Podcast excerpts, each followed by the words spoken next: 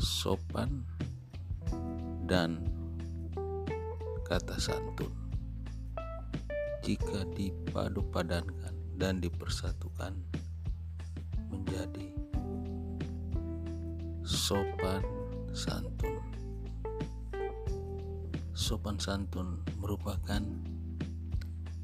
ciri khas dari seorang manusia yang santun. Oleh karenanya, setiap manusia yang baik kita lihat dari kesopanan dan kesantunan. Dan itulah menjadi ciri dari manusia yang baik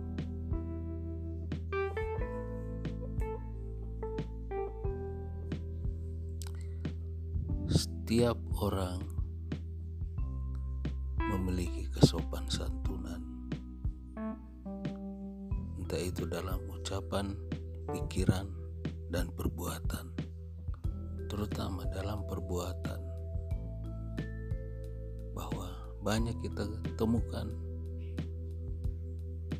di hari-hari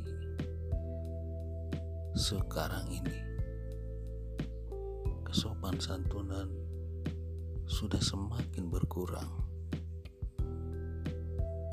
Itu karena terlalu beratnya pergumulan di dalam kehidupan, tetapi bukanlah itu yang menjadi alasan untuk kita tidak sopan dan santun. Sebagai contoh, jikalau orang yang telah memberi salam kepada kita seharusnya kita memberi salam kembali sebagai bagian daripada etika pergaulan kehidupan dan kesantunan. Bukan hanya itu, kita pun wajib memberikan salam terlebih dahulu kepada orang yang kita temui berpapasan ataupun mengajak kita berinteraksi. Entah itu secara lisan maupun tulisan. Entah itu secara tatap muka maupun di media-media terutama di media-media sosial menjadi tren pada saat-saat ini. Mari. Sopan santun.